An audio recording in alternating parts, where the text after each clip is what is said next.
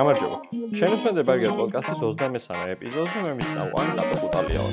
ამ პოდკასტში საუბარია დეველოპერული კულტურის, ტრენდული ტექნოლოგიების და კარიერული ზრდის შესახებ. დღევანდელი ეპიზოდი იქნება მოკლე, შედარებით ვიდრე სტანდარტული ეპიზოდები. ნუ ისაც მოკლე ეპიზოდებია ხოლმე რაღაც ჩაის თემა ეს 15 წუთიანები, მაგრამ უფრო მოკლე. აა ვისთვის არის კოდი და კომუნიკაცია მათ შორის. აა მოდი დავიწყოთ განხილვა ვისთვის არის კოდი. ну როგორც დეველოპერები უმეტესი ნაწილი ვატარებთ კოდთან ჩვენ რა თუმცა არა უშუალოდ კოდის წერაში ჩვენი დროის დიდი ნაწილი მიდის კოდის კითხვაში ან ჩვენივე კოდის ან სხვისი დეველოპერების კოდის სხვისი პროექტების სხვა ბლოგ პოსტების წაკითხვისას ну მოკლედ უმეტეს შემთხვევაში ჩვენ ვკითხულობთ კოდს კოდი არის კომუნიკაციის საშუალება ერთის მხრივ კომპიუტერთან და მეორეს მხრივ ადამიანებმა ერთმანეთს რო გავაგებინოთ რა დავწერეთ.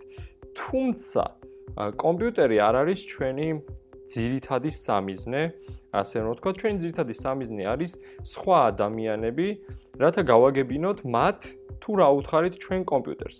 ანუ სხვანაირად რო გადავთარგმნოთ ეს ყველაფერი კოდი განკუთვნილია ადამიანისთვის, ხოლო კომპიუტერი უბრალოდ გამოდის გვერდითა ეფექტი.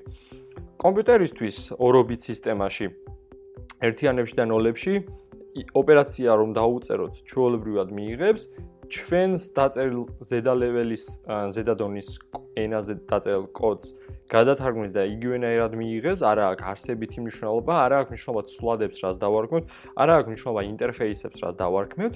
ეს ყველაფერი გვჭირდება ჩვენ, ჩვენივე თავთან და დანარჩენ ჯგუფთან, ადამიანების ჯგუფთან საკონტაქტოდ თუ რა დავწერეთ კოდი? ნებისმიერი აბსტრაქცია, რომელიც ჩვენ გავაკეთეთ, საჭირო არის სწორედ ამ ჯგუფებთან საკომუნიკაციოდ.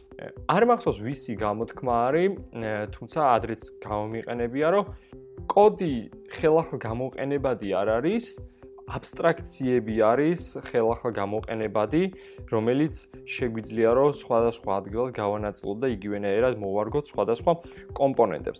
სწორედ ამ აბსტრაქციების შექმნა არის, რაც ადამიანებს ერთმანეთის საკომუნიკაციოდ გვიადვილებს, დროს გვიზოგავს და ასე შემდგომ. აა, ცუდი კოდი როდესაც წერია, ნიშნავს რომ ვიღაც ადამიანებს უბრალოდ სათანადოდ ვერ ვეკონტაქტებით, მასაც დიდი დრო სჭირდება რომ გაიგოს ჩვენი ენა და სადღაც შუალედურ მინდორზე უნდა შევჯერდეთ. მოდი ახლა ცოტა დავფიქრდეთ ასე. თუ კი ავიღეთ და ვთქვით, რომ კოდს წერთ ადამიანებისთვის და ეს კომპიუტერი გამოდის რაღაცა გვერდითი ეფექტი. ცოტა შეიძლება ანუ მე არ ვარ ამ პირველი ვინც ამაზე მისაუბრია, ძალიან ბევრი განხილვა არის ამაზე, ბევრი ნააზრები, ბევრს უფიქრია ამაზე. თუ კი ადამიანებისთვის წერთ საკომუნიკაციოდ და მანქან გვერდითი ეფექტია, რომლებიც ინსტრუქცია შესანიშნავად ასრულებენ დაალაგებულს, მაშინ რატომ არის ჯგუფებს შორის ან ადამიანებს შორის კომუნიკაცია გართულებული? აა რეალურ ცხოვრებაში კოდის გარეშე. სწორედ ეს თემა მინდოდა რომ წამომეწია დღევანდელ ეპიზოდში და ეს კოდი იყო რაღაცა შეპარება. ბევრს განსაკუთრებით სადაც დისციპლინა არის ან თქვა remote კულტურაზე არ არიან მიჩვეული და ეხა каранტინში პირველად მოხდა ამის გატესტვა. პრობლემა არის ხშირად სწორი კომუნიკაციის გზე, რამდენად დაალაგებულად ხდება რაც ინფორმაციის დავალების გადაცემა და რამდენად ეფექტურია ეს ფორმა, რადგანაც ეს პირდაპირ აისახება ჯგუფის და ერთმანეთთან პროდუქტიულობაზე და ფიქრობ, რომ ეს ანუ ეს каранტინის პერიოდი ბევრისთვის შეიძლება იქცეს რაც გარდამტეხ ეტაპად, სადაც ჩამოუყალიბდება ახალი უნარჩვევები, ბევრ რაცას გატესტავს, შეიძლება გადააფასოს არსებული დისციპლინები და კულტურა.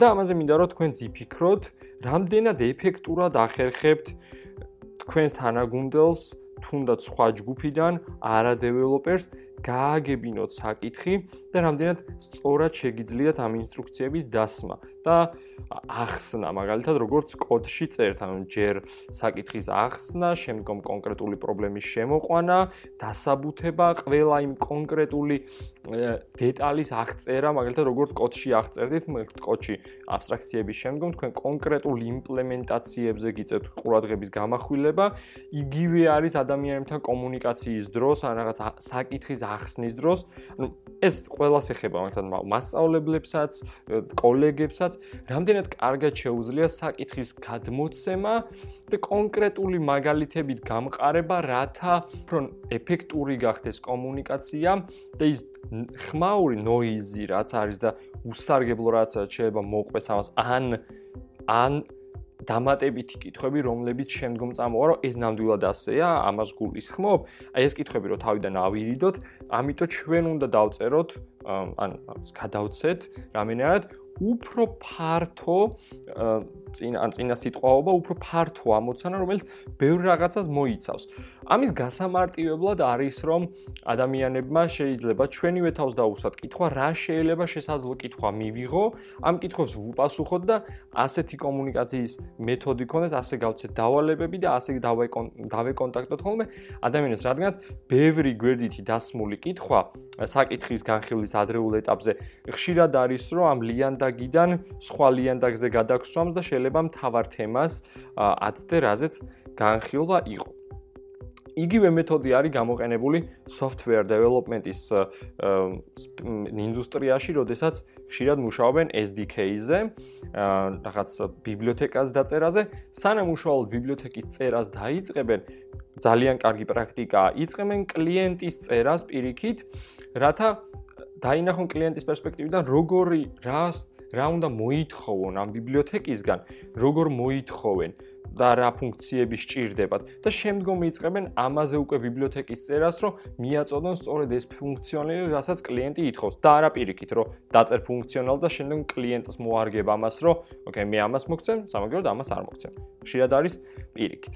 მოკლედ, დღევანდელი თემა სულ ეს იყო. მე მინდა რომ იფიქროთ ამაზე როგორ შეიძლება კომუნიკაცია ეფექტური გახდეს თუ არის ისეთი საკითხი რაზეც არ მისაუბრია ან უკეთესად შეიძლება დაფარვა თავისუფლად მომწერეთ ნებისმიერ პლატფორმაზე ვიდისკუსიოთ ვისაუბროთ და ასე შემდგომ დიდი მადლობა ყურადღებისთვის გთხოვთ დაალაიქოთ Facebook გვერდი თუ უკვე დაალაიქებული არ გაქვთ და iTunes-ზე დამიწეროთ review რადგანაც სხვა ქართულ პოდკასტებთან ერთად ხალხს დაეხმარება რომ იპოვოს ჩემი პოდკასტი.